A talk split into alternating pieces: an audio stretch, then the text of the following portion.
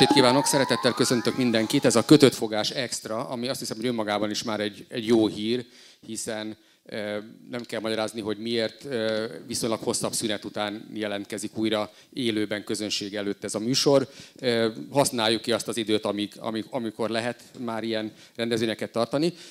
Előre szólok egyébként, hogy nyilván olyan témákról fogunk beszélgetni, ami beszélni, ami érinti a koronavírus témát, de miután úgy tudom, hogy senki nem virológus a társaságban, ezért nem fogom senkitől megkérdezni, hogy lesz-e második hullám. Persze valaki erre akar exakt választ adni, akkor tegye meg. És az egyszerű dolgom van, mert azt hiszem, hogy itt különösebb felkonferálásra nincs, nincs szükség, elég csak a neveket mondani. Csintalan Sándor,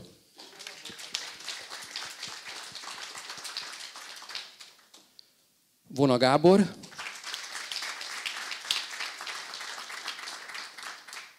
Havas Henrik, Gulyás Balázs.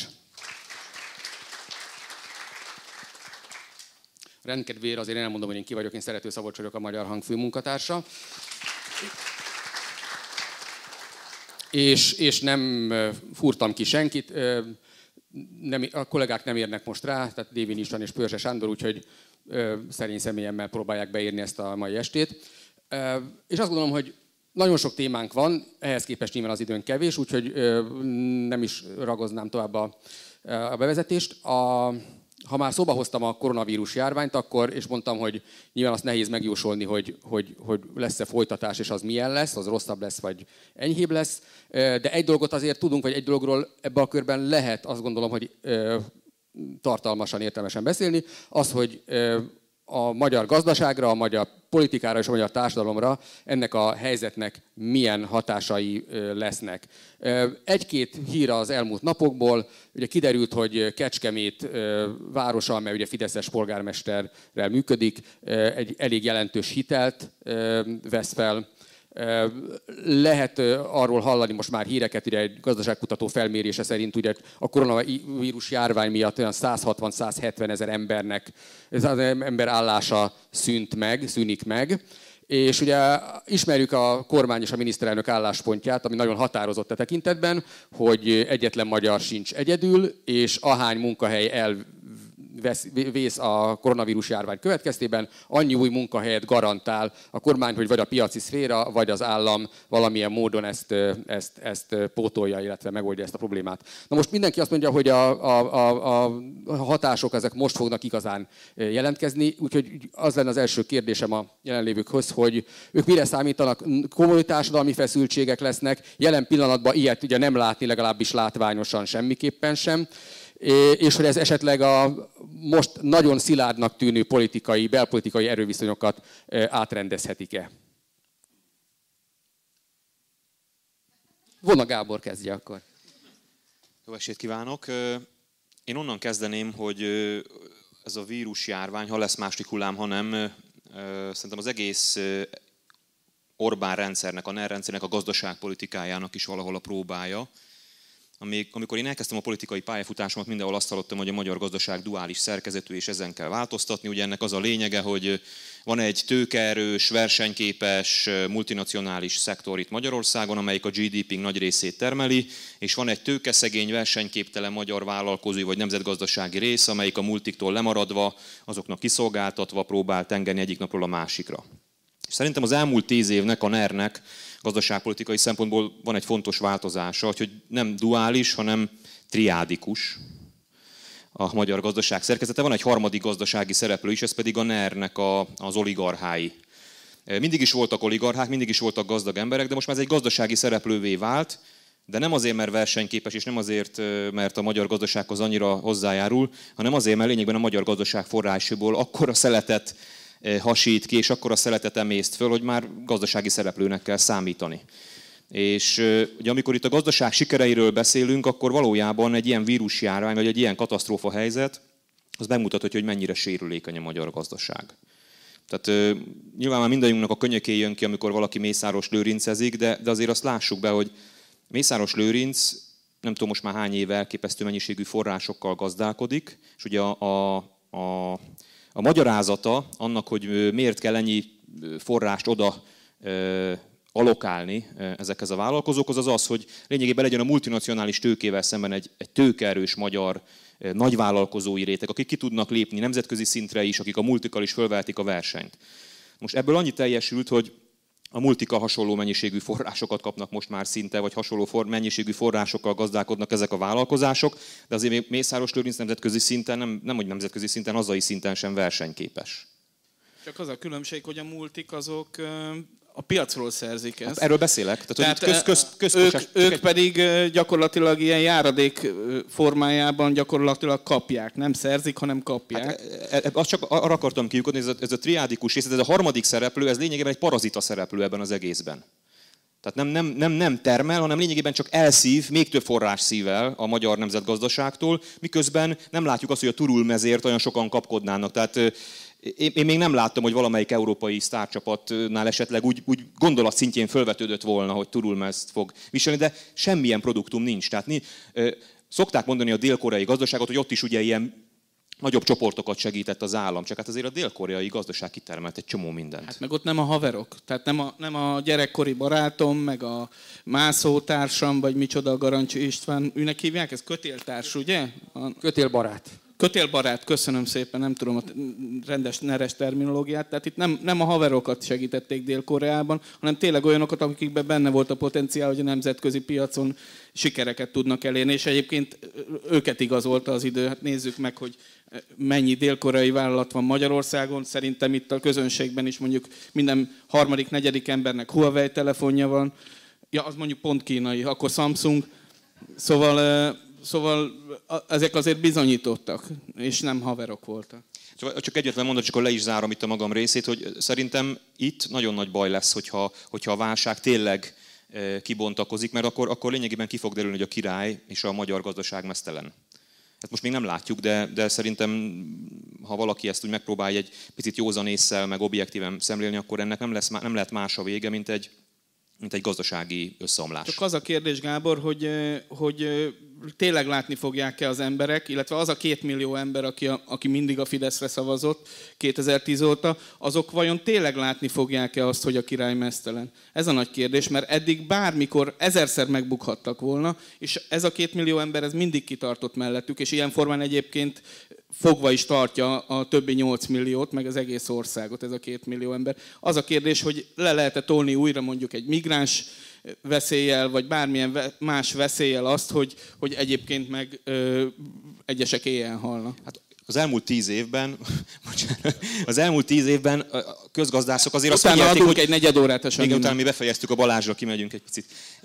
Hogy, tehát, nem tudom mi az a szint, de van, van egy ilyen közgazdaságilag bemérhető szint, ami úgymond a kormányváltás szintje, amikor az alá megy a gazdaság. És azért az elmúlt tíz évben egy világgazdasági konjunktúra volt. Az Európai Uniótól dőlt a pénz. Tehát most még ez alá a szint alá nem ment a magyar gazdaság. A Fidesz politikai próbája majd az lesz, Nyilván nem szeretnénk, hogy ez bekövetkezzen, azt azért fontos hangsúlyozni, de, de pontosan azért, mert a Fidesz gazdaságpolitikája olyan, amilyen ez előbb-utóbb elkerülhetetlen, és majd akkor dől el, hogy ez a két millió ember az mennyire fideszes.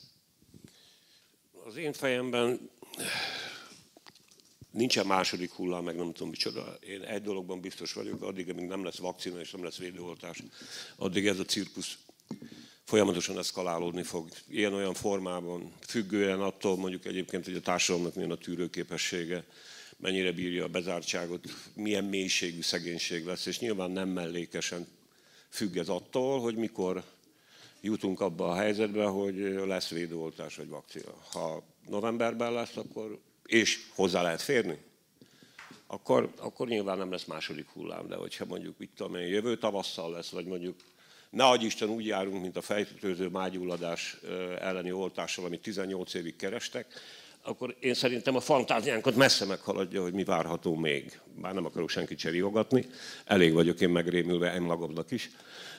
Úgyhogy ilyen szempontból én nem tudok semmiféle prognózist produkálni.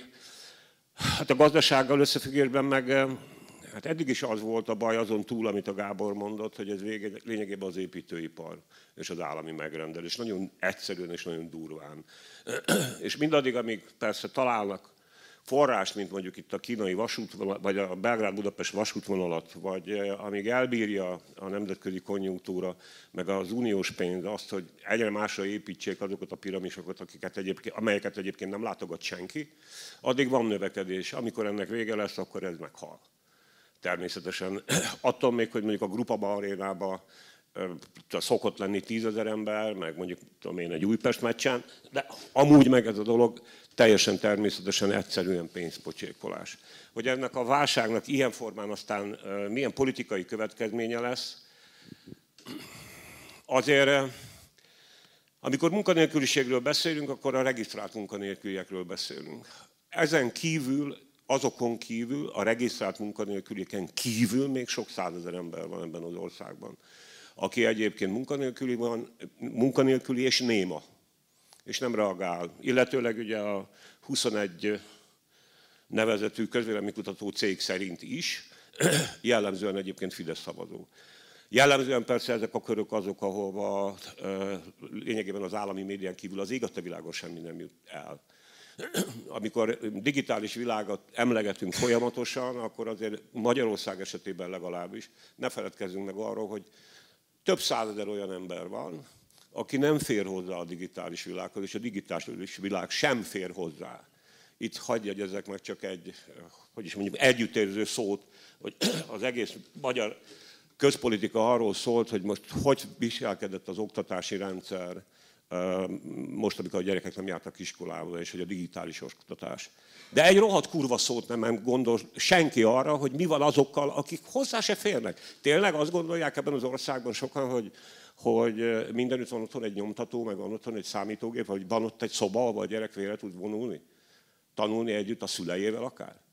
Egy frászt. Na szóval ez azért egy elég számomra úgy tűnik, hogy egy nagyon erős politikai bázis, egy a passzivitásával, sok szempontból a tudatlanságával, és amíg ez nem mozdul meg, hogy ezeket a rétegeket, ezeket a köröket hogyan lehet megszólítani, nem tudom, de egy dolgot tudok, hogy iszonyatosan stabilan nem politizál, úgyhogy én egy apokaliptikus politikai jövőt nem, nem, nem, nem, sem nem mernék jósolni, és miután kiszámíthatatlan, hogy mikor lesz ennek a vírus dolognak vége, ezért igazából bele sem merek gondolni.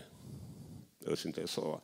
Abban vitatkozom még egy picit a Gáborral, hogy eh, emlékszem rá néhány évvel ezelőtt hányszor beszélgettünk arról, hogy majd ez a migráns ügy is majd, majd elmúlik, és hogy nem lehet minden határon túl migránsodni, de hogy nem. Minden határon túl lehet. Minden határon túl lehet. és ellenségkép megcsinálásban viszont eh, eh, tényleg zseniálisan működnek, borzasztó cinikusan, immorálisan. Mostanában ellenséget találni nem nehéz. Csak rámutatnak az emberre. Úgyhogy...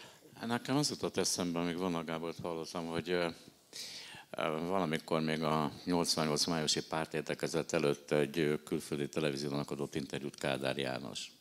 És akkor a nyugati lapok azt írták, hogy Kádár az a szocialista országbeli vezető, akit egy szabad választáson is megválasztanának. És ez így volt igaz. És ennek egyetlen egy oka volt, hogy a magyar társadalom nem szakadt ketté.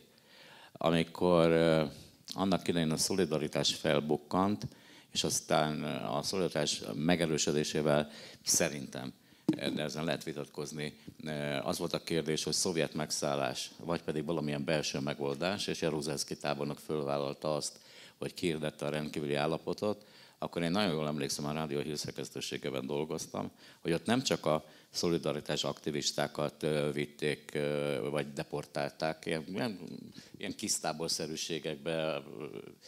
Emlékszem, hogy hogy Győri Béla, aki aztán mélyebb szóvivő volt, meg, megváregette egy a vállamat, hogy neked is van már tatán egy vaságy előkészítve, mert, mert nagy a pofád. Szóval a, a dolog a rádió az, pártitkára volt, ugye, az illető? Hát pártbizottsági tag. Na, oda akarok csak kiukadni, hogy szerintem minden rossz a szocializmusból ered, és ezt halál komolyan mondom a Dunakanyarban lakunk, és hogyha jövünk be Pestre, akkor leggyakrabban a Megyeri hídon jövök át, és jövök, jövök végig a Váci úton.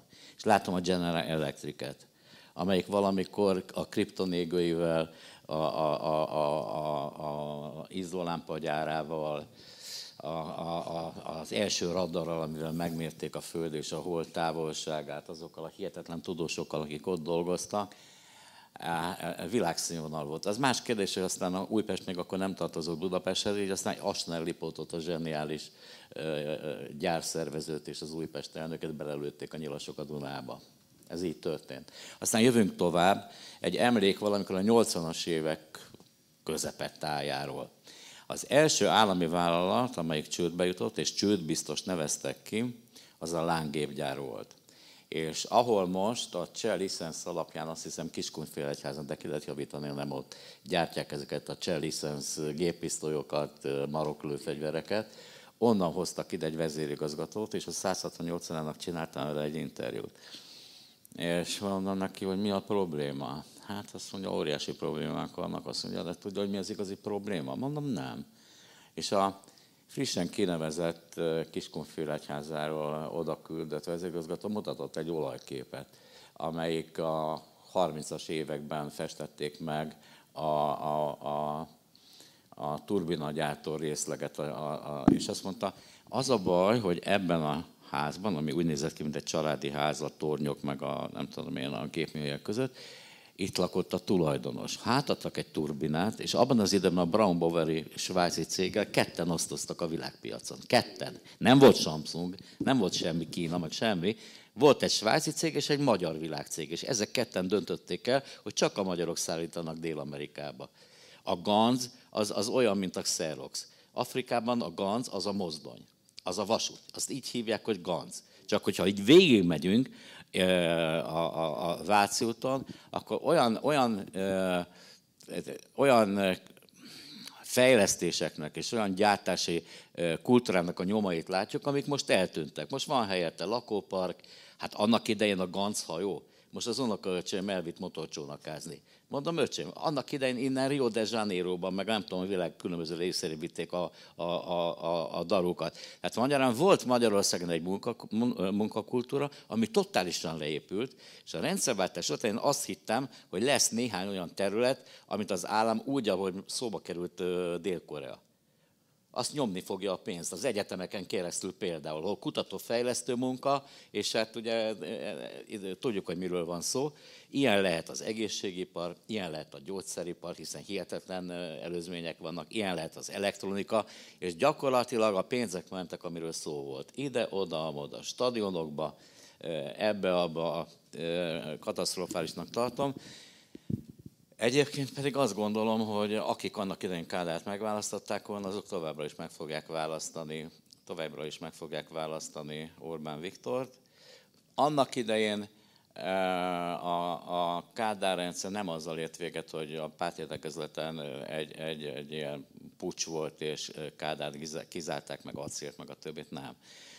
Reykjavikban, Jaltán, Gorbacsovék megbeszélték, hogy, hogy, hogy, hogy akkor mi erről lemondunk. Mi akkor lemondunk, a Szovjetunió lemondott rólunk, és ahogy Antal mondta, tetszettek volna csinálni forradalmat. De nem lehetett forradalmat csinálni, mert ez egy békés megoldás volt. Nem a Rózsadombon, a KGB, meg a Mossad, meg ez egy fasság. Már elnézést.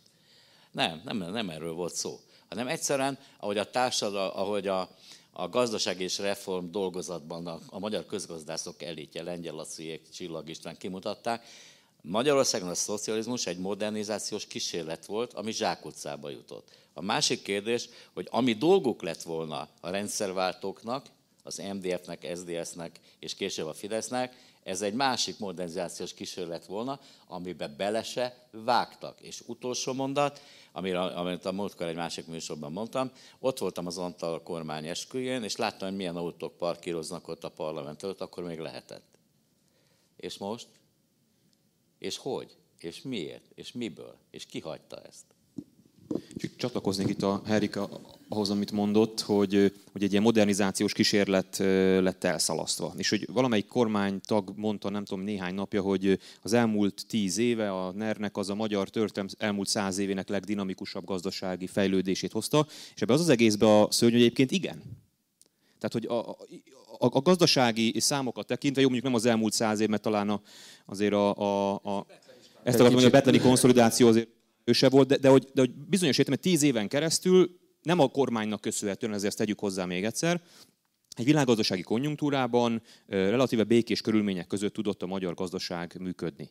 De ez számomra nem örömhír, ez számomra egy szégyen, hogy ilyen nemzetközi gazdasági feltételek között ezt a tíz évet lényegében kidobtuk az ablakon, és, nem, és hogyha most lényegében ez a tíz évet lezárnánk, mit tudna felmutatni az Orbán kormány? Nézd meg. Hát ott az élelmiszeripar. Vannak olyan gyáraink vagy cégeink, mint amiről a beszélt? Nincs. Tehát, hogy én igazából azt mondom, amikor ezt a kormány szóvivő kimondta, akkor lényegében arra nem büszké, büszkének kellett volna lennie, hanem szégyelnie magát, hogy tíz év ilyen gazdasági környezet sem volt elég ahhoz, hogy maradandó nemzetgazdasági teljesítményt tudjanak letenni a következő időszakra. Nézd meg, Gábor, hogy az Európai Uniós pénzek mire mentek el. Gyakorlatilag térkövezésbe, meg nyilván a térkövezésből ellopott pénzből jachtokra, meg hasonlókra mennek el az Európai Uniós pénzek. Én inkább ezt látom egy elszalasztott lehetőségnek, tehát, és ebben azért benne van a 2010 előtti világ is, lássuk be, vastagon. 2010 után persze négyzetre emelték az egészet, vagy nem tudom még hogyan lehet fokozni, Szóval utána fölpörgött a lopás, de én ezt érzem egy marha nagy elszalasztott lehetőségnek, főleg a regionális versenytársainkkal szemben, akiknél persze mindenhol Kelet-Európában vagyunk, tehát mindenhol van meg volt lopás, de azért valahogy nekem mégis úgy tűnik, hogy, hogy mondjuk egy Szlovénia, de már egy Szlovákia is, de már egy Románia is kezd elhúzni mellettünk, mert azért csak, mégiscsak másképp használják föl ö, ezeket, a, ezeket a forrásokat. Tehát én ezt érzem elszalasztott lehetőségnek, nem az, hogy nem ültünk föl még inkább a, a, a világ tendenciára. De ugyanarról beszélünk, Balázs. Tehát, hogy én is azt mondom, hogy nem, nem tudunk most jelen pillanatban egyetlen egy olyan céget mondani, amit az elmúlt tíz évben, egy ágazatot, egy olyan stratégiai ágazatot, amit az elmúlt tíz évben ez a kormány kihasználva a nemzeti gazdaság hátszelét fölépített volna, és most lenne egy multi, mondjuk a finneknek volt a Nokia. És azt mondjuk, hogy ez a magyar multi, amelyik aztán meghódítja a világot. Bármilyen szektorban, akár élelmiszeriparban, akár IT-ben, bármiben. Nem tudunk. Tíz év lényegében ki lett dobva az ablakon. Hát, amikor a NER kilép az országhatárokon kívül, és nincs ez a védőháló, ami az országhatárokon belül megvan, vastagon, akkor azonnal elveszik ez a versenyelőnye, és, és abban a versenyben nem állja meg a helyét. Ahányszor megpróbáltak bármilyen termékkel, szolgáltatással kilépni nemzetközi piacra, mindig megbuktak. Na most lesz egy jó példa erre egyébként, hogyha sportra egy pillanatra elvezetek, csak egy pillanatra. Most az egyik ilyen termék az ki fog jutni az európai, vagy kijutott az európai porondra, ugye a felcsút. és ott meg, meg lehet majd ítélni azt, hogy, hogy mennyire versenyképes ezen a terepen az a csapat, aki valószínűleg egy olyan csapattal fog összekerülni, amiben fél amatőrök fognak játszani az első körben legalábbis. És lássuk, hogy a, fel, a felcsútban meg Szabolcs olyanok játszanak, nem olyanok játszanak, akik ott az akadémiában nevelődtek ki, tehát nem annak az akadémiának a termékei azok a focisták, hanem így összevásárolgatott ilyen-olyan icsek, meg, meg igen, igen, igen. afrikai játékosok. Tehát jó, jó, ezekkel a játékosokkal jutottak ki, nem azokkal, akik, ugye az eredeti terv az volt, hogy majd ott az akadémiá, azért tudom milyen jól, mert egyébként egy kilométerre rakom légvonalba a felcsúti szívcsakrátor, tehát nap mint nap látom, hogy, hogy kik jönnek be Bicskére vásárolni felcsútról. Hát azok a focisták, azok nem ott termelődtek ki. Kicsit távolról kezdeném. Bős Majoros kapcsán alkalmam volt jó néhányszor találkozni Maróti Lászlóval. Ő volt ugye Kádár egyik kinevezett utódja. Kádárnak ugye köztudatosan nem voltak gyerekei, és a Maróti gyerekeket tekintette unokának és Marotival, Bős Nagymaros kapcsán eh, egész, de most a stílusról csak valamit. Fölhívott a Maróti, Szász Imrének hívták az akkori egyetlen normális heti lapnak, folyóratnak a főszerkesztő, prózai rovatvezetőjét, Fekete Sándor irodalomtörténész volt a főszerkesztő, acél 56 után visszahozta, mindegy. És azt mondta, hogy két óriási jelensége van Bős Nagymarosnak, ami, ami szimbolizálta azt, hogy mit akar a kormány, meg mit akar a, a rendszer, és hogy magyar-csehszlovák együttműködés, szovjet háttére, de, de, de. Két nagy jelensége van Bős Nagyvárosnak, az egyik a rádióban, televízión én, aki osztom az észt, megállás nélkül gyártam a műsorokat, ez úgy szemétség, úgy szar. A másik Száz Szimre, aki az egyetlen normális polgári heti labban eh, írt, egy, egyébként Ménesi út eh, címmel rendkívül jó könyvet írt a, a fényes szelek nemzedékéről. Lényegtelen, minket kettőnket meghív egy magyar csehszlovák kormányközi bejárásra. És a Maróti László Mercedesében én ültem, száz színre a következő Mercedesben ült, előrendől, felvezetés hátul, minden elértünk, rohadt hosszú út volt. Elértünk a helyszínre, ott várt minket egy csehszlovák miniszterelnök helyettes, aki ezzel az ügyel foglalkozott, már csak a lényeget akarom mondani. A Maróti mindenhova vitt magával, és eljutottunk a végén oda, hogy helikopterről tekintjük meg a beruházást. Állott egy, hát én azt nem kapok, már ment a, már ment, ment a, a rotor, vagy nem tudom, de azt hittem, hogy szétesik. Tehát így, így, és akkor Marotti mondta, na, felszállás, és akkor egymás mellett beszélgettünk, mentünk. Oda jött egy csehszlovák katona, valamilyen biztonsági ember, és azt mondta az újságíró nemet, és így félretolt. És a Marotti nem vette észre, és ment tovább. Akkor jöttek a csehszlovák küldöttségtagja, ők is felszálltak, indultak volna, és megjelent az ajtóban a Marotti, az, egyébként elő egyszer láttam, jött ki a Fehérházból, és egy ilyen két számmal kisebb stüszik alap volt rajta, mert ő is vadászott. Akkor annyira ellenszenves volt, hogy meg tudtam volna ölni. És megáll az ajtóban, és azt mondja, Havas Henrik hol van? Hát mondom, megyek a többi újságírók közé, akiket így autóval szállítanak. Azt mondja, de nem menjen, jöjjön. De mondom, nem engednek. Erre Marolti mondta, ott valamit dumáltak a tolmácsokkal, leszállította a magyar küldöttséget, ez mindez volt 1987-88 környéken, és azt mondta a csehszlovák miniszterelnöknek, hogy ez az újságíró, a száz színre nem vállalta, ő az autókkal ment, ez az újságíró, ez magyar újságíró, és tagja a kormányküldöttségnek. Ha ő nem jött fel a helikopterre, akkor mi sem. Hozzák ide az autókat, megyünk haza. A csehszlovák miniszterelnök nem akarta ezt elhinni hogy ilyen létezik. És erről arról elmagyaráztam, hogy nálunk az újságíró, az, az, az újságíró. Annak az a dolga, hogy tudósítson, és azért hoztuk el, hogy tudósítson. Megmondta a száz asztil, amit akar a látottakról, én azt mondom a rádióban, hogy amit csak akarok, stb. Nem akarom ö, ö, különösebben, hanem ha összehasonlítom azzal, ami ma van, ahogy kezelik az újságírókat a magyar parlamentben, már elnézést kérek, de annak idején tudtam, hogy jön egy küldöttség, és a Glac Ferenc bent ült. És az újságíró Páhovics és jött a Glac Ferenc, kijött. A német Miklós megjött a bőstonorosi tárgyalásokról, így csináltam, és jött. Volt egy magyar... Jó, de ez miattad volt, Henrik. Bárkinek nem. Nem. Volt egy olyan, hogy a gazdasági kamara most nemrég le, a Kossuth téren volt a gazdasági kamara székháza. Ott volt egy sajtótájékoztató arról, hogy a Szovjetunióban hogyan sikerült adaptálni a magyar iparszerű gazdaság, mezőgazdasági termési rendszereket, IKR, kukoricatermesztés, boiler, csirka, stb. És elmondta a szovjet mezőgazdaság, hogy minden jó. A, a magyar azt mondta, hát vannak problémák, de, de, de. Vége volt, oda jött hozzám egy sajtó, és azt mondta, hogy a miniszter úr szívesen adna önnek egy interjút, jöjjön be ebbe a szobába. Bementem, és azt mondta, figyeljen, itt vannak a tárgyalásokról a jegyzőkönyvek, szigorúan titkos. Nagyon meg kéne, ne vigye magával. Ne vigye magával. Én gondoskodom, hogy senki ne zavarja magát. A minisztereltárs jön 20 perc múlva. Elolvastam, és kiderült, hogy minden csirke megdögölt, amit kivittek, mert, nem, mert ellopták a légkondicionálókat ellopták a, a speciális ö, vetőmagot, tehát gyakorlatilag minden a katasztrófa volt. Megjött a miniszter, leült, és azt mondta, kérdezem. Mondom, nem okoz problémát, hogy eltérő körülmények közt dolgoznak a szovjet és a magyar szakemberek, hogy más a munkakultúra a Szovjetunióban. Köszönöm a kérdést. Ez tényleg probléma.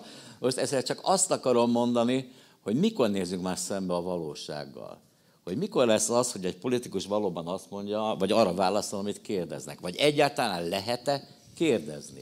Nekem ebből az a tanulság, Henrik, hogy vagy azt képzelem el most, hogy mondjuk egy mostani miniszter teszem azt mondjuk egy Rogán Antal, képzeld el, hogy mondjuk egy kritikus újságírót elvisz magával egy külföldi útra, ott Helikopterrel. hel, Azért mondtam Rogán Antal, de köszönöm, és hogy lelőtted a, a poént. A Lafayette áruházban összefutunk Ceciliával.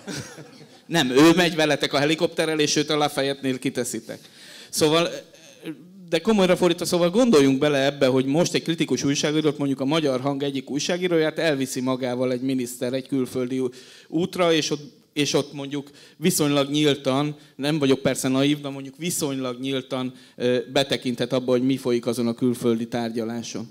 Tehát ez annyira, annyira távol vagyunk ettől, nem mentegetve ezzel persze a 90 előtti helyzetet, de, de rettentő távol vagyunk még attól is. Egy személyes megjegyzés hadd térek én is, hogy én ugye... Voltál a Lafayette táruházba ott nem, ott nem, hanem hogy én azért a pályámat a 90-es évek elején, mint parlamenti tudósító kezdtem, és azt kell, hogy mondjam, hogy azért volt egy olyan 10-15 év a magyar politikában, amikor ez a dolog úgy többé-kevésbé normálisan működött. Tehát amikor akár ugye az a kormányzati politika, amit a Sándor is részese volt, ami előtte volt, meg utána, ott azért ilyen problémák nem voltak. Tehát az ember kérdést feltett, akkor nem biztos, hogy persze válaszoltak rá, de mondjuk azért mondjuk nem, nem alázták meg, meg nem tudom. Tehát, hogy értették, hogy nekem ez a dolgom. És ma ez nagyon-nagyon leépült, tehát ma én nagyon örülök, hogy már nem vagyok parlamenti tudósító, mert valójában annak a munkának ebben a pillanatban semmifajta értelme nincs, nincs nincsen, par, már nincs miről nincs tudósítani is. egyébként. De megpróbálom... Csak annyit, hogy egy, egy mondat csak ehhez, amit mondtál, hogy mi, mi szépen lassan eljutunk oda, hogy a 90-es évek lesz a magyar demokrácia aranyidőszaka. Tehát, hogy most ez, nem, vicc, nem vicces, Gábor. Viccesnek is mondtam, meg nem is, tehát értse mindenki úgy, ahogy gondolja. Hát bocs, Azért... csak, egy, bocs, csak egy megjegyzés. A Sárközi professzor, az tagja volt a Postabank igazgató tanácsának. Emlékszel, Sándor? Sárközi Isten nyugosztalja, most Isten nyugosztalja, kiváló ember volt, Jégkorong Szövetség elnöke, remek ember volt. Találkoztam vele, szóba került a magyar nemzet. Azt mondja, hát mindent olvasom, hogy megmentettük. Azt mondja, te Henrik, ezt a hülyeséget te bevetted? Hát mondom, hát nem így történt, hogy a postabank megmentette? Hát az így történt, csak volt, volt, volt egy kis csavar a dologban, mert mi kaptuk meg az iForce számla vezetését, mármint a postabank. De itt nem arról volt szó, hogy ilyen rohadt nagy emberbaráti szeretetből indítatva azt mondta Orbán vagy Horn Gyula, hogy meg kell menteni a magyar nemzetet, mert az egy érték. Azt mondta, megmentjük, csak cserébe kérjük az itt állomásozó elsősorban amerikai iPhone erők számlavezetését, ami egy óriási biznisz lehet, tehát végig lehet gondolni.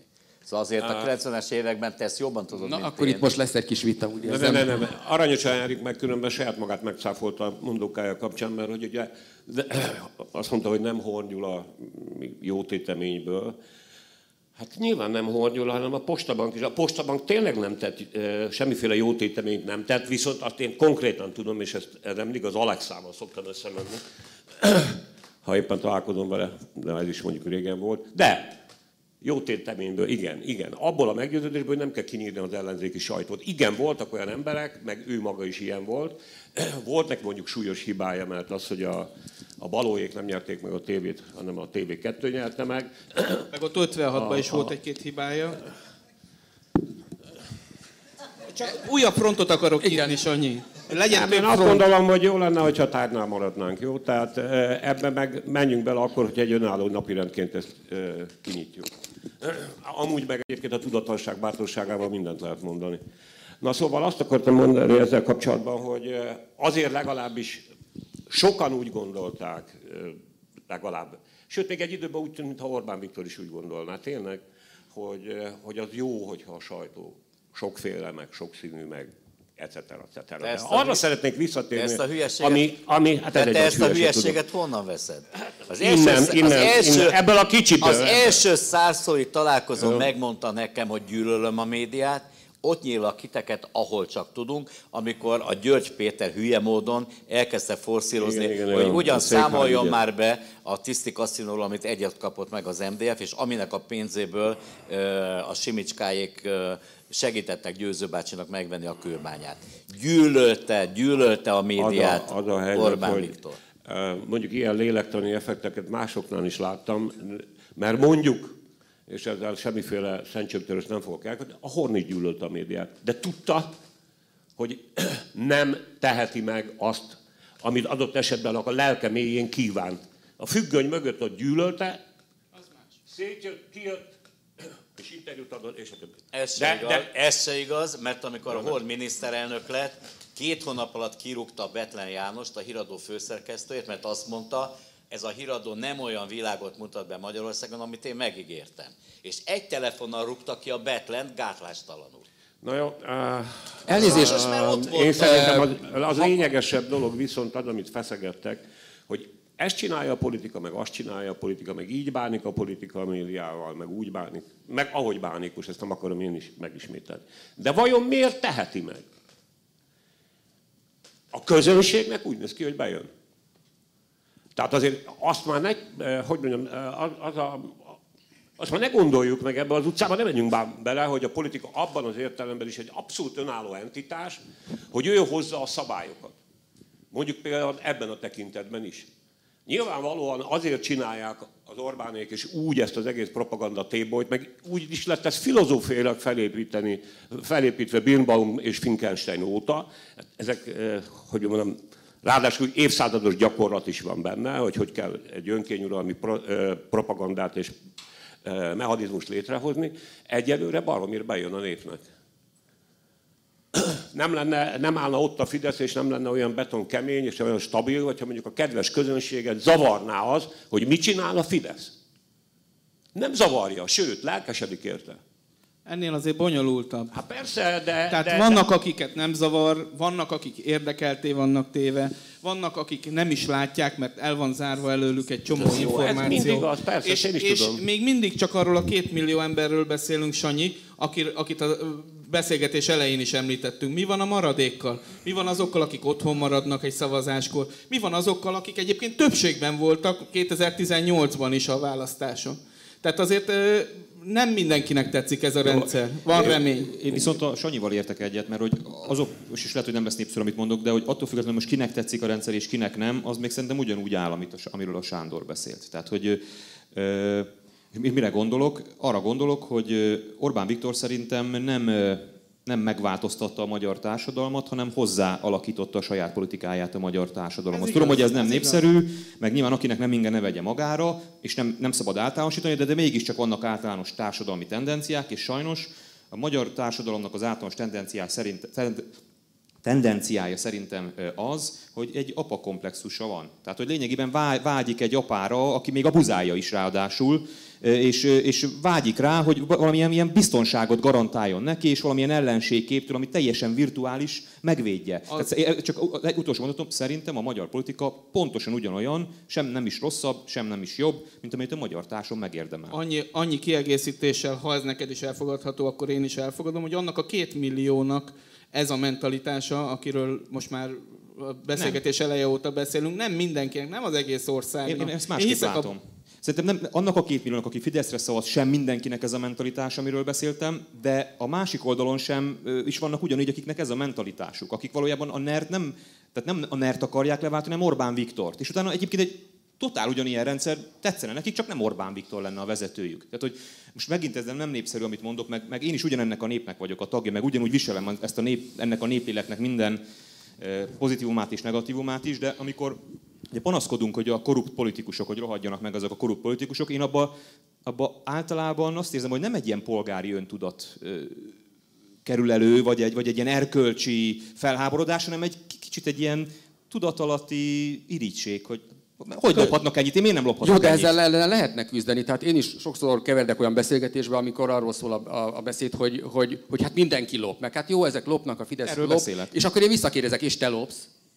És a szüleid lopnak, és akkor ilyenkor ez az ember egyébként zavarba jön, mert ugye erre mit mondjon. Tehát, egyébként nekem, és ő nekem már volt nem, és ne, ne, ne tekintsük ezt egy általános társadalmi hozzáállásnak, inkább szerintem a probléma az, amiről is most próbálom akkor átvinni a, a következő témára a beszélgetést, hogy, hogy ugye vannak ugye bizonyos szekértáborok, szekták a politikai erők mögött, most a Fidesz mögött van ugye a legnagyobb, és van egy, van egy nagy tömeg, amely valamiért, akinek ez nem feltétlenül tetszik, vagy valószínűleg nem tetszik, de nem tudja megszervezni magát, vagy nem talál olyan politikai érdekképviselőt, aki, aki mögé be tudna sorolni.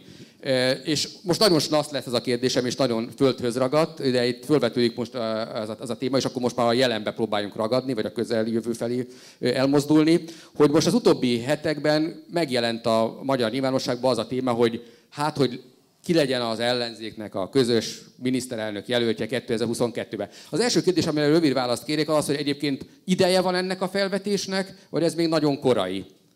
És egyébként, ha valakinek persze van ezzel kapcsolatban konstruktív javaslata, azt szívesen hallgatjuk. Elkésett.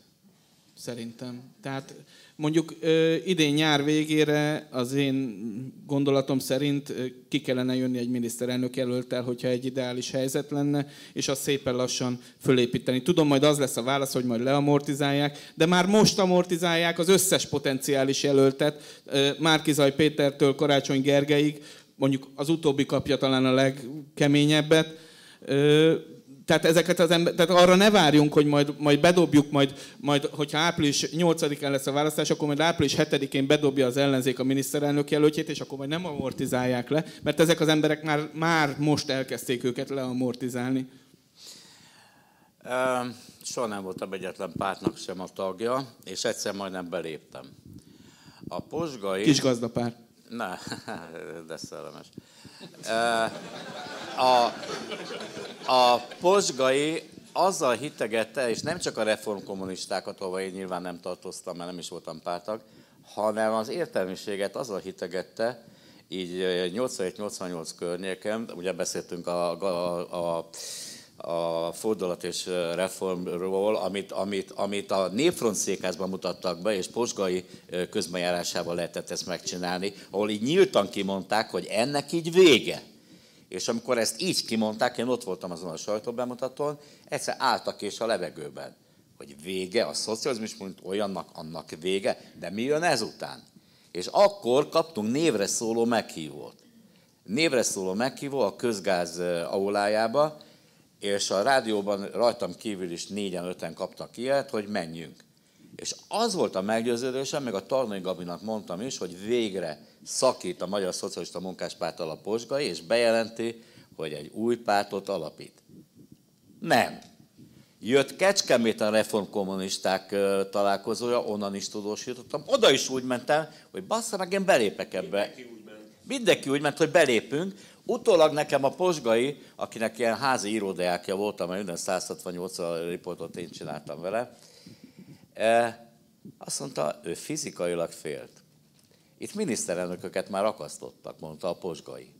Most én tudom, hogy, hogy Gorbacsov idején ez egy vicc kategóriája lett volna, hogy akasszon, de ő, ő és a szűrös is ezzel hülyített engem, hogy ők fizikailag féltek, hogy felakasztják őket.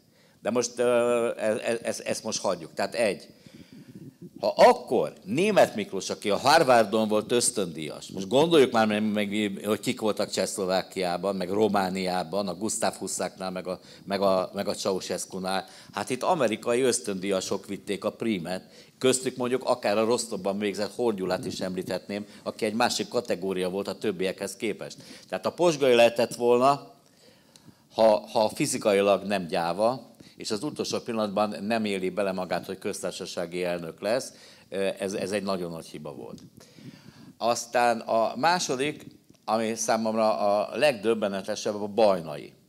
Mert ugye volt 2006, tudjuk, hogy mi történt. Gyurcsány kiszivárogtatta hülye fejemet, bedumálták neki, hogy milyen vagány lesz, és majd te megmutatod, hogy így kell beszélni, meg úgy. Ez a barom kiadta ezt a összödi beszédet, ami után simán le kellett volna mondania, mert az ember belátja. Egyszer fölé volt a keresztanyám, és azt mondta, hogy válni akar az unoka öcsémnek a felesége. Beszéljek vele. Elmentem hozzá, mondom, te figyelj, hát van két gyereketek, egy normális építészmérnek, erre azt mondta, Pubi, figyelj, ha hozzám ér, undorodom tőle. Ezek után mondtam a keresztanyámnak, hogy itt nem lehet ezen segíteni.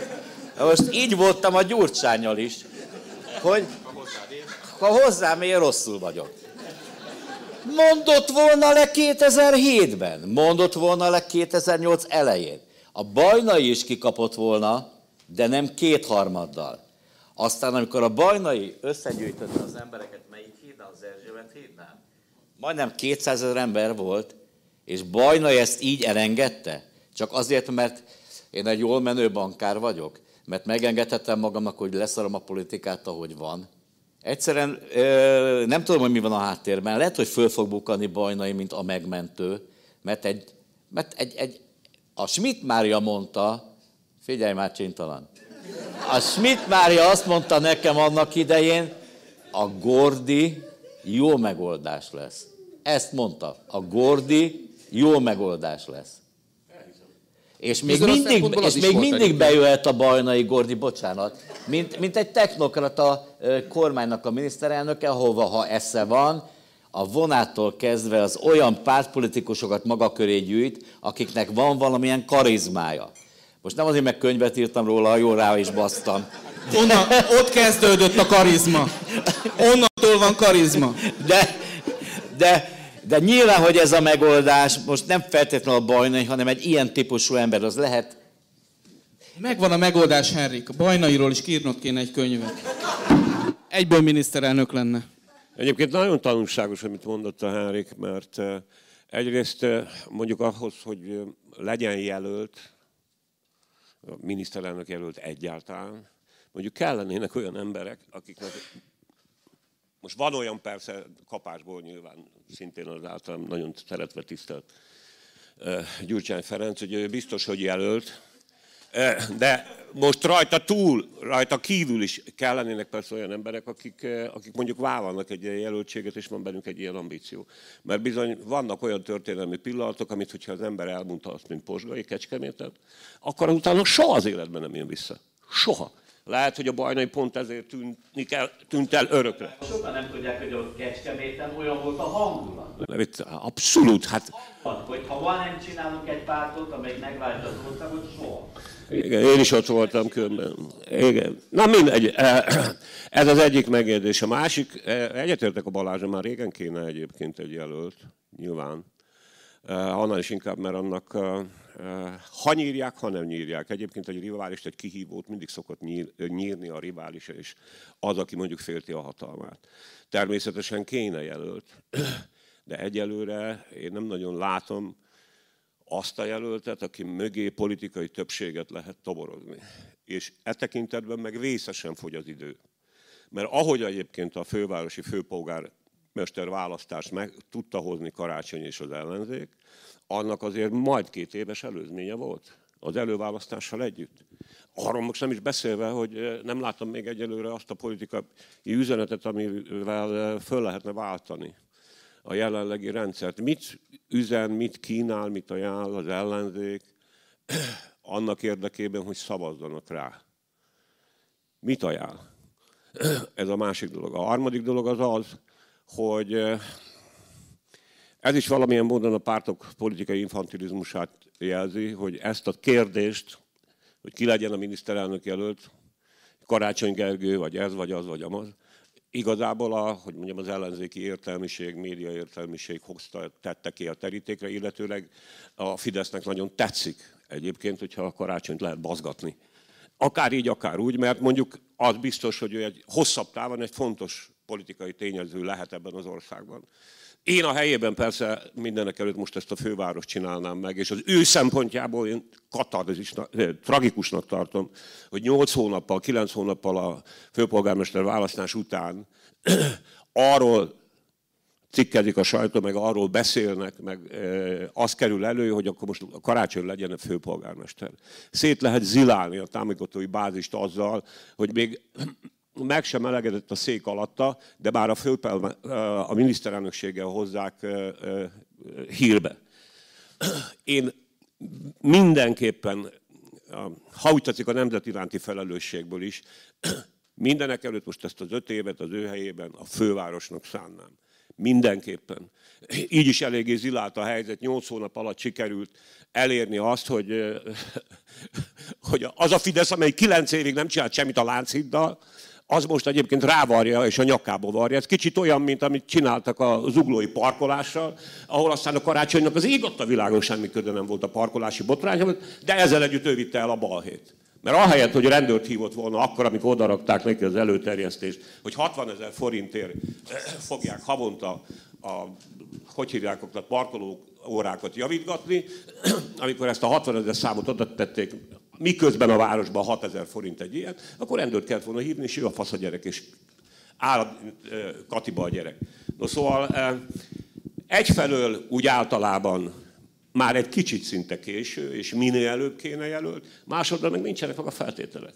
Nincsen meg a politikai háttér, nincsen meg az egyesség. Komolyan mondom, azért belegondol az ember, ez rémisztő, bizonyos értelemben, mert tényleg a a Gyurcsány nálam azért szitok szó, hogy egyedül a DK-nak van ugye ezzel az, Egyesült, az Európai Egyesült Államokkal valamiféle, de hát ez csak egy jelszó, igazából nem tudjuk, hogy mit gondolnak alatta, valami olyan politikai víziója, mint politikai víziónak látszik. Hát azért, amikor valakit feleségül veszek, vagy eljegyzek, vagy udvarolok neki, akkor valamit ajánlok. Hát a közönségnek is ajánlani kell valamit. És ezért lehet szimplifikálni az egész dolgot, Orbán gyűlöletként lehet interpretálni. Pedig hát itt azt hiszem, hogy a személy iránti gyűlölet, most azt akartam mondani, hogy a legkevesebb, de a fene tudja, de hát végül is a rendszert kellene megváltoztatni, és meg kéne mondani a közönségnek, hogy az a rendszer, amit mi csinálunk majd, az mitől lesz jobb. És mitől lesz neked kívánatosabb. Én azt is problémának látom, vagy a, a probléma a miniszterelnök jelölt kiválasztásának a problémáját abban látom, hogy itt ugye egy csomó pártnak kell megegyeznie egymással, és hogyha pártjelöltek vannak, tehát hogyha az MSZP jelöli a jellegi elnökét Tóth Bertalant, vagy az akkori elnökét majd a Mesterházi Attillát, vagy a Jobbik jelöli Jakab Pétert, abból csak vita lesz. Veszekedés, és persze azt ki lehet tenni majd a, a 400 vagy 500 kesmás újság címlapjára, hogy veszekszik az ellenzék. Tehát itt egy olyan jelöltet kellene, nem, nincs nálam a bölcsek köve, de egyébként nálam van, egy olyan jelöltet kellene találni, aki, akit senki nem érez a másik jelöltjének, de magáénak is érez egyúttal. Tehát nem rettentő nehéz a képlet. Magyarán egy olyan hölgyet vagy urat kellene megtalálni, aki jelenleg nem pártpolitikus, vagy, vagy csak nagyon lazán pártpolitikus. Nagyjából ki is, de ezzel le is szűkítetted a kört, mert hogy én is ezzel szerettem volna kezdeni, hogy amit elmondtál, úgyhogy ezt akkor meg is spóroltad nekem. Ugye nagyon nehéz a helyzet, mert pártoknak kell megegyezni. Az ellenzéki oldalon van három relatíve hasonló súlycsoportban lévő meghatározó párt, a DK, a Momentum és a Jobbik, most ez a jelenlegi állapot. És az, ami, hogy ez a három párt relatív erős az ellenzéken belül, ez a hátrányuk is, mert egyik sem fog tudni átvinni a másik kettőn egy saját jelöltet. Vagyis egy olyan jelöltet kell találni, aki rajtuk kívül áll, és még egy szempontot én hagy hozzak ide, az ellenzék belesik abba a hibába, hogy győzelemként értékeli az önkormányzati választást. Ami persze nagyon sok ellenzéki polgármester esetében az volt, de hogyha ezt egy országgyűlési választásként kiszámítjuk, akkor valójában közel kétharmaddal a Fidesz nyerte volna az önkormányzati választásokat is. Ergo a jelöltnek majd és az ellenzéknek meg kell tudni szólítani a bizonytalan és akár elbizonytalanodott kormánypárti is. szavazókat is. Így van, pontosan erről beszélek. Vagyis olyan jelölt kell, aki erre is képes. És az én, ha megnézem a felhozatot, akkor én, én, én lényegében két ilyen személyt látok. Az egyik az Karácsony Gergely, most akár mennyire is egyetértek azzal, amit a Sándor mondott, hogy néhány hónappal a, az főpolgármester választása után erről nagyon kellemetlen beszélni, meg látom, hogy ő is ettől menekül, ez előbb-utóbb föl fog, föl, fog, föl fog merülni, tehát azért egy potenciális jelölt, hiszen neki van meg az a legitimitása, azért Budapest főpolgármestereinek lenni, az talán a legszélesebb legitimitás a magyar közéletben, választott legitimitás. Tehát ez azért egy óriási erő, és a másik az pedig Márkizaj Péter, aki, aki, aki ugye hódmezővásárhelyen vált egy, egy olyan karakterré, ami, ami, ami ugye az egész ellenzéket egyesíti, én azért látom esetleg a Márkizaj Péter esetében, bár ő, ő, őt, őt nem látom, most ugye bejelentette a héten, hogy ő vállalná ezt a szerepet, de, de egyébként meg nem látom azt a, azt a mozgást, hogy, hogy igazán akarja, vagy akarná, hát ez még csak majd most jön, vagy az ő előnye meg az lehet, hogy ő még annyira sem kötődik politikához, mint Karácsony Gergely, tehát ő azért egy ilyen civil aurájú jelölt, és a másik pedig, ami nagyon fontos, hogy a választást, tehát Márki Zaj Pétert a fővárosban is meg fogják választani az ellenzékiek. Karácsony Gergelyt már nem biztos, hogy vidéken meg fogják választani. Tehát, hogy Arra azért kíváncsi lennék, hogy a Márki Zajnak mekkora ismertsége van. Csak Budapesten? Én is kíváncsi. Csak, akkor, akkor, akkor, csak, akkor, akkor másképp mondom, szerintem annak nagyobb valószínűsége van, hogy Budapesten el lehet fogadtatni a budapesti ellenzéki vagy bizonytalan szavazókkal, hogy a kihívó az Márki Zaj Péter. A sokkal nehezebb lesz, hogy Karácsony Gergelyt, aki, akinek Budapest határainál szerintem a politikai eh, hatásköre azért az megáll, és most nem csak jogilag, hanem, hanem úgy hatás tekintve is tehát szerintem egy vidéki jelölt lehet, hogy erősebb lenne most. Vidéken kell a Fidesz megverni. Valagábor azt mondta, hogy a pártoknak kell erről valahogy egyességre jutniuk, de azért hozzáteszem, hogy ez azt jelenti, hogy mondjuk előválasztásra nem lenne szükség, hiszen de nyilván a legerősebb legitimáció is mondjuk más olyan szavazó, aki esetleg nem feltétlenül azt a jelöltet támogatta volna, aki, aki mondjuk miniszterelnök jelölt lesz, hogyha egy ilyen procedúra után születik meg a döntés, akkor nyilván könnyű szívvel tudja támogatni. Én, én azért támogatom szívvel. az előválasztást, mert nem Karácsony Gergely győzelméhez is valamilyen szinten ez hozzájárult. Ez egy show, ez egy show. Tehát az emberek erre lesznek kíváncsiak, hogy, hogy ki a miniszterelnök jelölt, és persze lehet úgy is interpretálni, és a Fidesz úgy is fogja, hogy te mondtad, hogy vitáznak, veszekednek, meg a nem tudom, a tehetségtelenek, meg az alkalmatlanok vitája, de egyúttal a, a társadalom akkor is figyelni fogja, és azért azt lássuk, hogy a jelenlegi média helyzetben a figyelemért nagyon meg kell küzdeni az ellenzéki oldalon. Erre mindenki oda fog figyelni, amikor az ellenzéki jelöltek megmérettetik magukat, úgyhogy én azt gondolom, hogy ezt a sót nem szabad kikerülni. Egy, egy mondatot engedjetek még ehhez meg. Azért jobban föl fog erre az előválasztásra készülni a Fidesz is. Tehát itt azért nem számoltak ennek az erejével, amikor a főpolgármesteri elő, előválasztás volt, és nem készültek fel rá, nem hekkelték meg. Tehát erre úgy föl kéne hívni az ellenzéki pártvezetőknek, meg az éceszgébereknek a figyelmét, hogy itt azért biztos, hogy a Fidesz is próbálja majd irányítani, és hogyha a Fidesz irányítja egyébként, akkor Dobrev Klára lesz. Majd azt megnézem, amikor, ahogy most beszéltük, hogy majd fideszeseket is el kell csábítani, hogy Dobrev Klára fideszes szavazókat csábít el a Fidesztől. Végül is az érthető. Csak Ceterum cenzeo, először már akkor boldog lennék, vagy örülnék, már annak is nagyon örülnék, hogyha azt halálbiztosan tudnám, hogy a dicső ellenzéki pártok, a nagyobbak akár, már elkezdték volna összeszervezni a szavazókörzetbe a szavazatszámlálókat. Majd ha meg lesz minden szavazatkörbe, minden szavazatszámláló, akkor egy nagy lépést tettek az ellenzéki pártok annak érdekében, hogy esetleg ellenzéki győzelem szülessen. Amíg ezt nem teszik meg, ahány miniszterelnök jelölt lesz itt, égen a csillag, akkor is fújhatjuk az egész történetet, amíg minden ponton szervezett értelemben, szervezett formában, konkrét személyekkel, minden egyes ellen, parlamenti párt, ugye mindenki delegálhat egyet-egyet. Jó, azzal is megelégszem, hogyha szavazókörönként két darab ellenzéki szavazat számláló lesz. Ha majd ez meg lesz, akkor majd nyugodtabban alszok. Volt egy nagyon sikeres filmsorozat, fél éve, egy éve láttam, és emlékszem. Netflixen az a címe, hogy a legha, legharsányabb hang.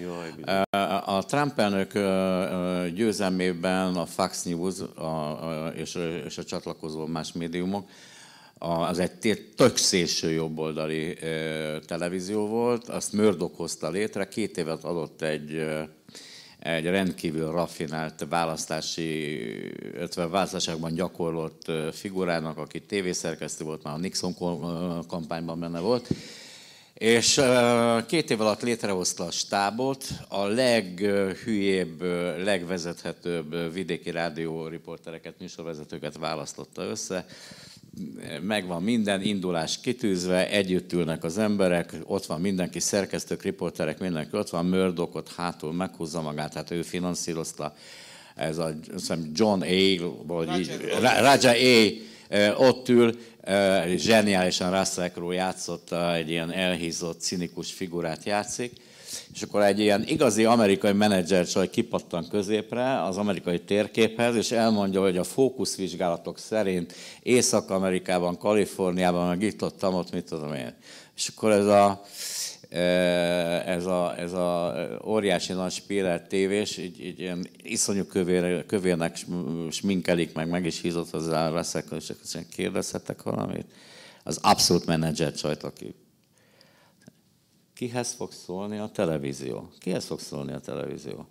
Azt mondja a nő, amilyen hülye, hát mindenkihez Amerikában. Azt mondja, nem, mi nem foglalkozunk a, a szilícium völgyel, minket a nyugati part nem érdekel, minket New York sem érdekel, és az értelmiség úgy, ahogy van, nem érdekel minket. Azok nézzék a CNN-t, meg a CBS-t, nem.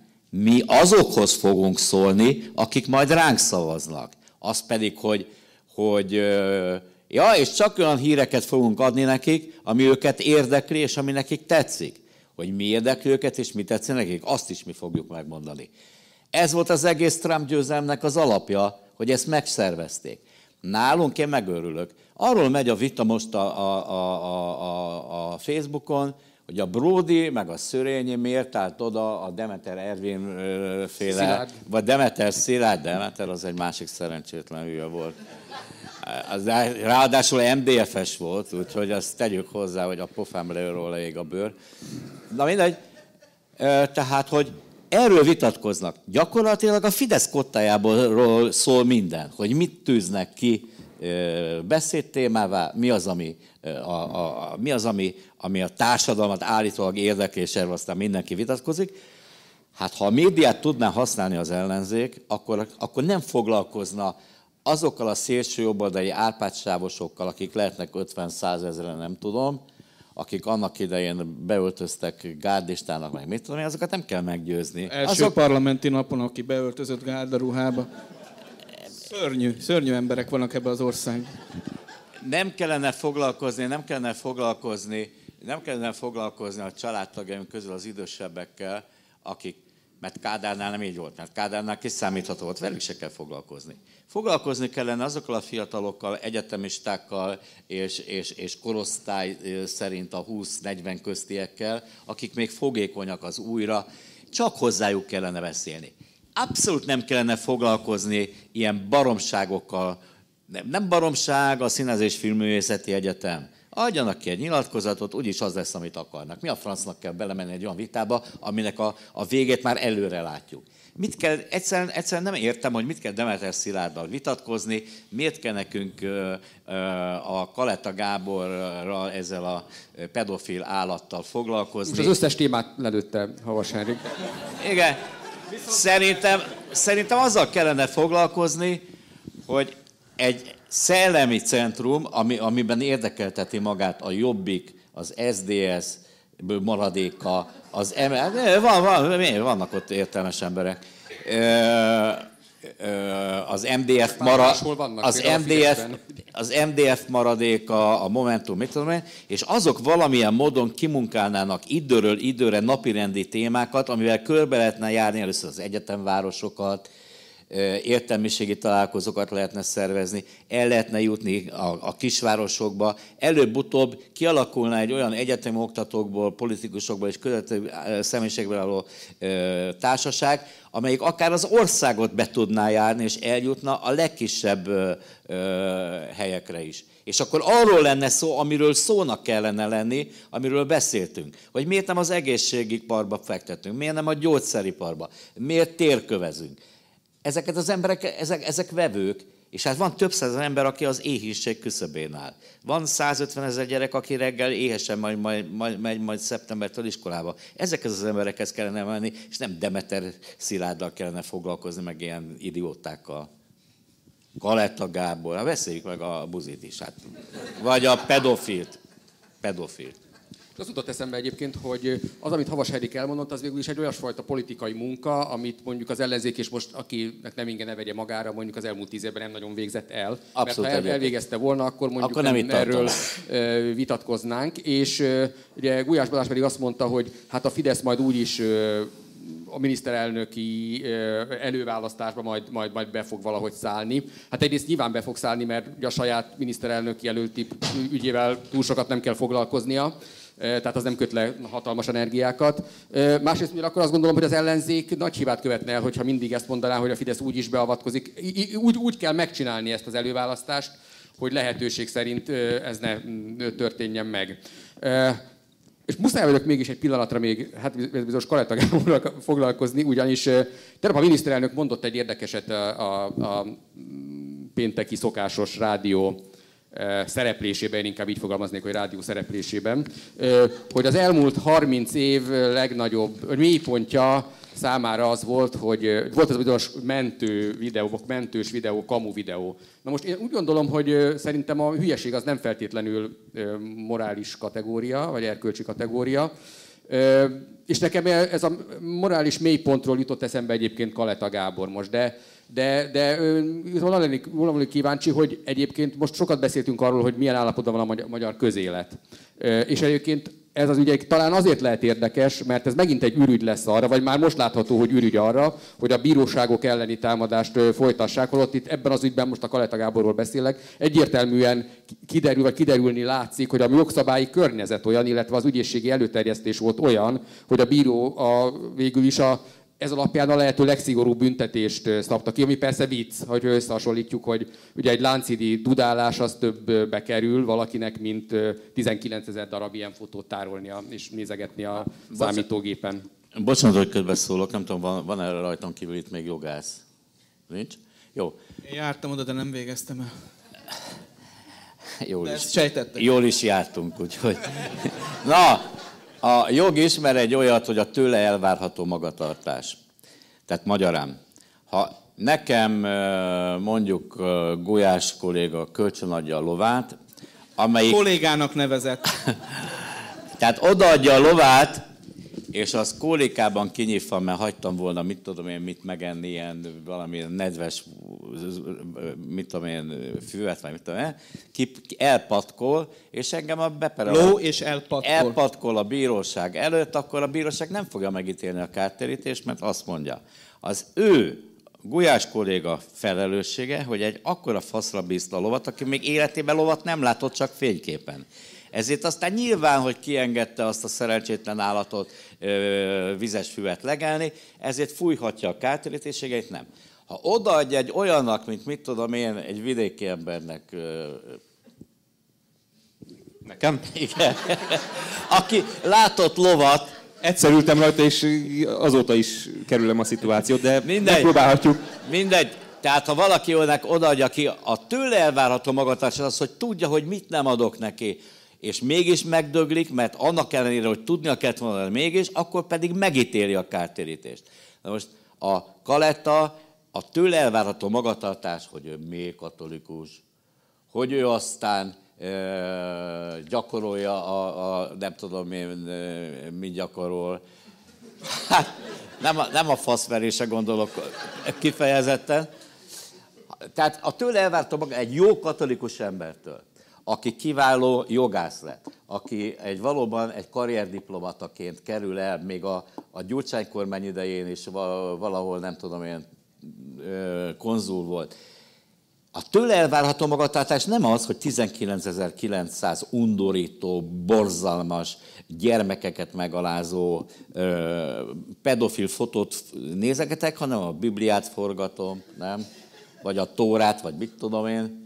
És nem ezeket nézegetem. A bíróságnak, és, és ki volt? Mester Tamás volt az védője.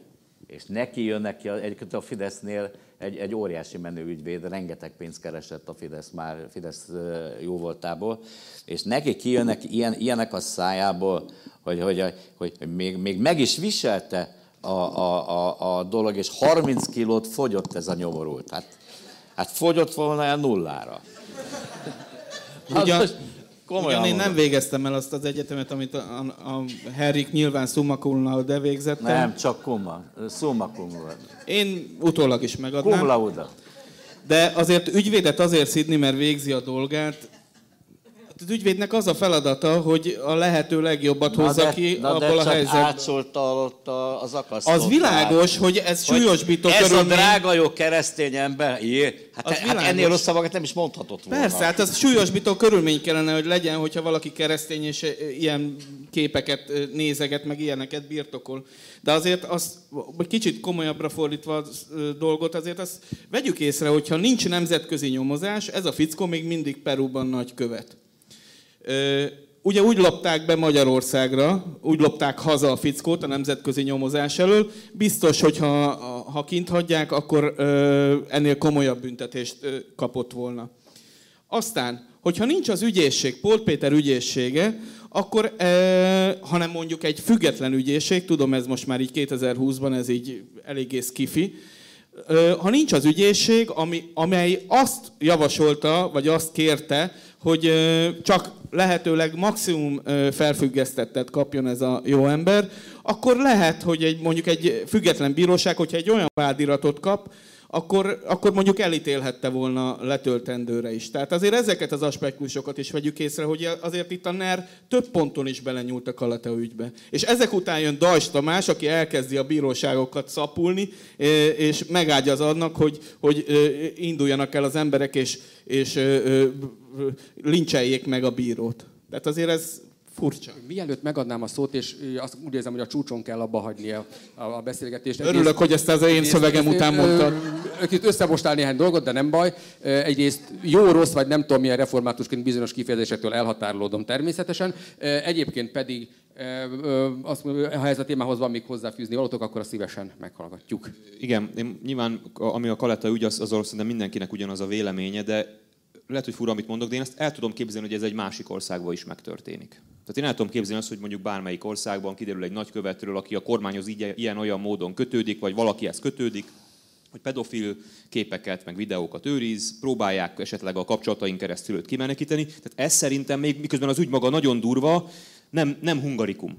Ez még engem, nem hungarikum. Engem az de nem boldogít, hogy máshol is é, Világos, csak, csak azt mondom, mi az erkölcsi mélypont. Tehát ez, ez erkölcsileg mélypont, de, de, de hagyd mondjak egy ügyet. Tehát én csak, ez a Kaleta Gábor ügy egy rettenetes ügy, de szerintem máshol is megtörténhetett volna, sajnos. Szóval mondjon nekem valaki egy olyan országot, ahol megtörténhet az, és ez már nem most történt, hogy elmegy egy országgyűlési képviselő beadni egy népszavazási kezdeményezést, és kopasz emberek nem engedik be, hogy ezt meg... És az ország végignézi, és még az egyik be is szól, hogy anyukát hogy van, meg nem... Tehát, hogy legalább egy afrikai országot mondjon már valaki, vagy, vagy, egy, vagy, egy, vagy egy ázsiai diktatúrát, vagy bármit tud valaki mondani egy olyan országot, ahol ez megtörténik, és végignézzük. Szerintem ez a mélypont. És ott, én emlékszem, Vagy hogy országgyűlési képviselőket dobnak ki a köztelevízióból. So, és persze azért mondom, hogy sorolhatnánk, voltak ilyenek, de, de hogy szerintem egy csomó olyan dolog megtörtént már ebbe az országban, ami, ami elképesztő, hogy előfordulhat, és így szépen lassan hozzászokunk. Hát, hogyha a, miután ezek megtörténtek, végül is ahhoz képest már a, a, a, a ma történt dolgok már nem is olyan szörnyűek. Kicsit úgy hozzászokunk, nem? És, és én azt, azt érzem ebbe az egészbe, hogy már itt ilyen erkölcsi kérdéseket fölvetni azok után, amit, amit végignéztünk meg. Meg hát én országgyűlési képviselő voltam, és, és teljesen toporzékoltam, de mit nem tudtam csinálni semmit. Tehát, hogy pedig ugye hát nyilván gondolhatjátok, hogy Nyakó István ér meg az MSZP nem voltam oda. Tehát nem, nem, nem éreztem azt, hogy most ő, ő érte szeretnék meghalni, de, de mégis de egyébként abban a helyzetben, hogyha Nyakó Istvánért halnál meg, vagy haltál volna meg, már jó, tehát nyilván nem kívánom. De abban a helyzetben, hogyha Nyakó Istvánért haltál volna meg, akkor nem Nyakó Istvánért haltál volna meg, Persze, hanem ezért az van, országért, így van. meg az, hogy ne legyen belőle még rosszabb hely, mint ahogy azzal egyébként igazad van teljesen, egy rosszabb hely lett Igen, csak tudod, ez mindig az, amikor, és akkor most megint lehet, hogy hárítom a felelősséget a politikusoktól, hogy miért nem mennek már, miért nem csinálunk már valami tüntetést. Én nagyon sok tüntetést csináltam. És ott voltunk páran. Tehát, hogy félek, hogy meghaltam volna Nyakó István, és semmi, semmi nem történt volna.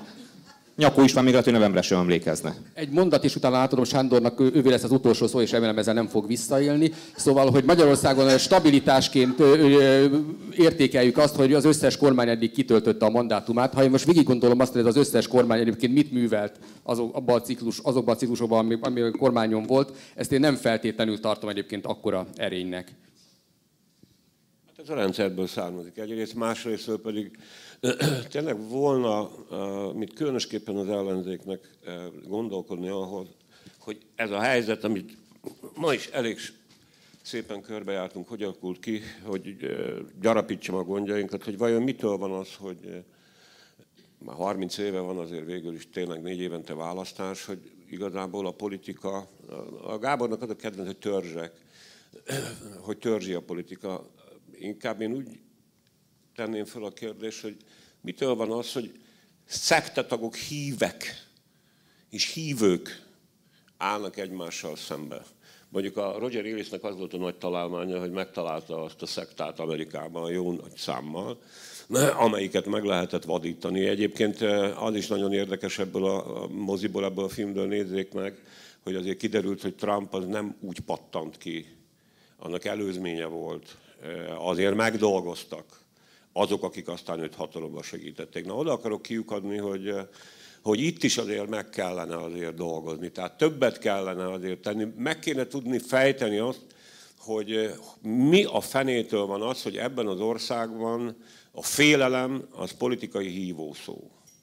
Sokan mondják, hogy apakomplexusuk van, hát hiszen végül is csak apáink voltak eh, az utóbbi százegy néhány évben Ferenc Józseftől Hortin keresztül Kádárig bezárólag, akit tényleg megválasztottak volna, ha szabad választások vannak, ez az egyik.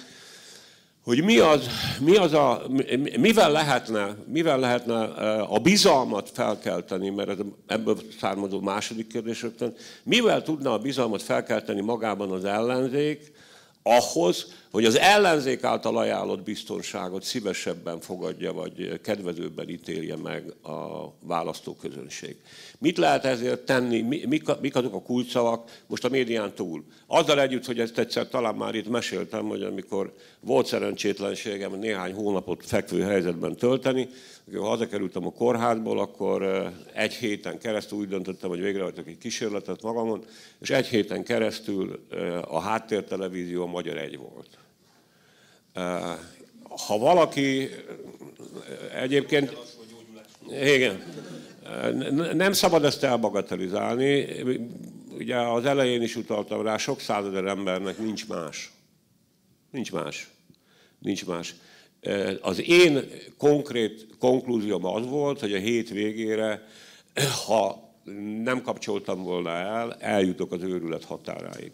Nem tudom, hogy valószínűleg önök között kevesen vannak, akik mondjuk egy ilyen procedúrának kiteszik magukat, de sok százezer ember ezt csinálja ma ebben az országban, és ami még szörnyűbb, még az én generációm is, pedig én többet vártam volna a Ratko generációtól, politikailag is, mert több mindent láttunk, mint a, mondjuk általában a fiatalok. Szóval, ha az ember eh, öntudatlanul, racionális hozzájárulás nélkül eh, tényleg a, a, a pokol mélyére tud eljutni. Reggeltől estig kizárólag a félelemkeltés. Amúgy is sok okunk van félni, és te föltetted ezt a kérdést eh, a koronavírussal kapcsolatban is, ez, rengeteg olyan dolog van, amiért lehet félni az embernek. A, a jövő miatt, a családja jövője, a munkahelye, eh, a rokonai, az ismerősei, a vírus, az egészségügy, eh, a szakrendelő, minden kutya füle. Tehát van ok a félelemre. Valamilyen módon az ellenzéknek azt kellene bebizonyítani, hogy ezeket a, ezekre a félelmekre jobb orvosságot ajánl, mint amit Orbán Viktor ajánl, nem mellékesen közbeállopva az országot. Ha nem változik már semmi, akkor valószínűleg ennek a rendszernek is csak az a valami ahhoz hasonló mozgások vezethetnek a végére, mint ami volt a Henrik Kelton már emlegetett 90 éves, a 90-es évek elején az a, az a geopolitikai, technológikus mozgások, amelyek megadták ennek az országnak ajándékba a szabadságot. Valószínűleg itt is valami ilyesmi kell, hogy legyen, mert azért egy dologra szeretném felhívni a figyelmet, amikor 2022-ről beszélünk, akkor az már nem két év. Nyilván tavasszal lesznek a választások, ugye? Tehát mondjuk május környékén, akkor 2022 nagyjából egy fél év, 21 egy év, és még van hátra néhány hónapunk, most mindenki szabadságra megy, aztán utána karácsony lesz, és még mindig nincsenek a Akkor te már tudod, hogy karácsony lesz? És még mindig, és még mindig, és még mindig, és még mindig nincsenek szavazatszámlálók. Hát köszönöm szépen, nem biztos, ez egy, végül is voltak a szövegben olyan részek, amik nagyon jó vég, végszónak is, jók voltak. Remélem, hogy a még itt közöttünk valahol ólálkodó vírus lehetővé teszi, hogy mondjuk a jövő hónapban is hasonló körben tartsunk egy ilyen kötött fogás extrát. Még egyszer köszönöm mindenkinek a figyelmet, viszontlátásra.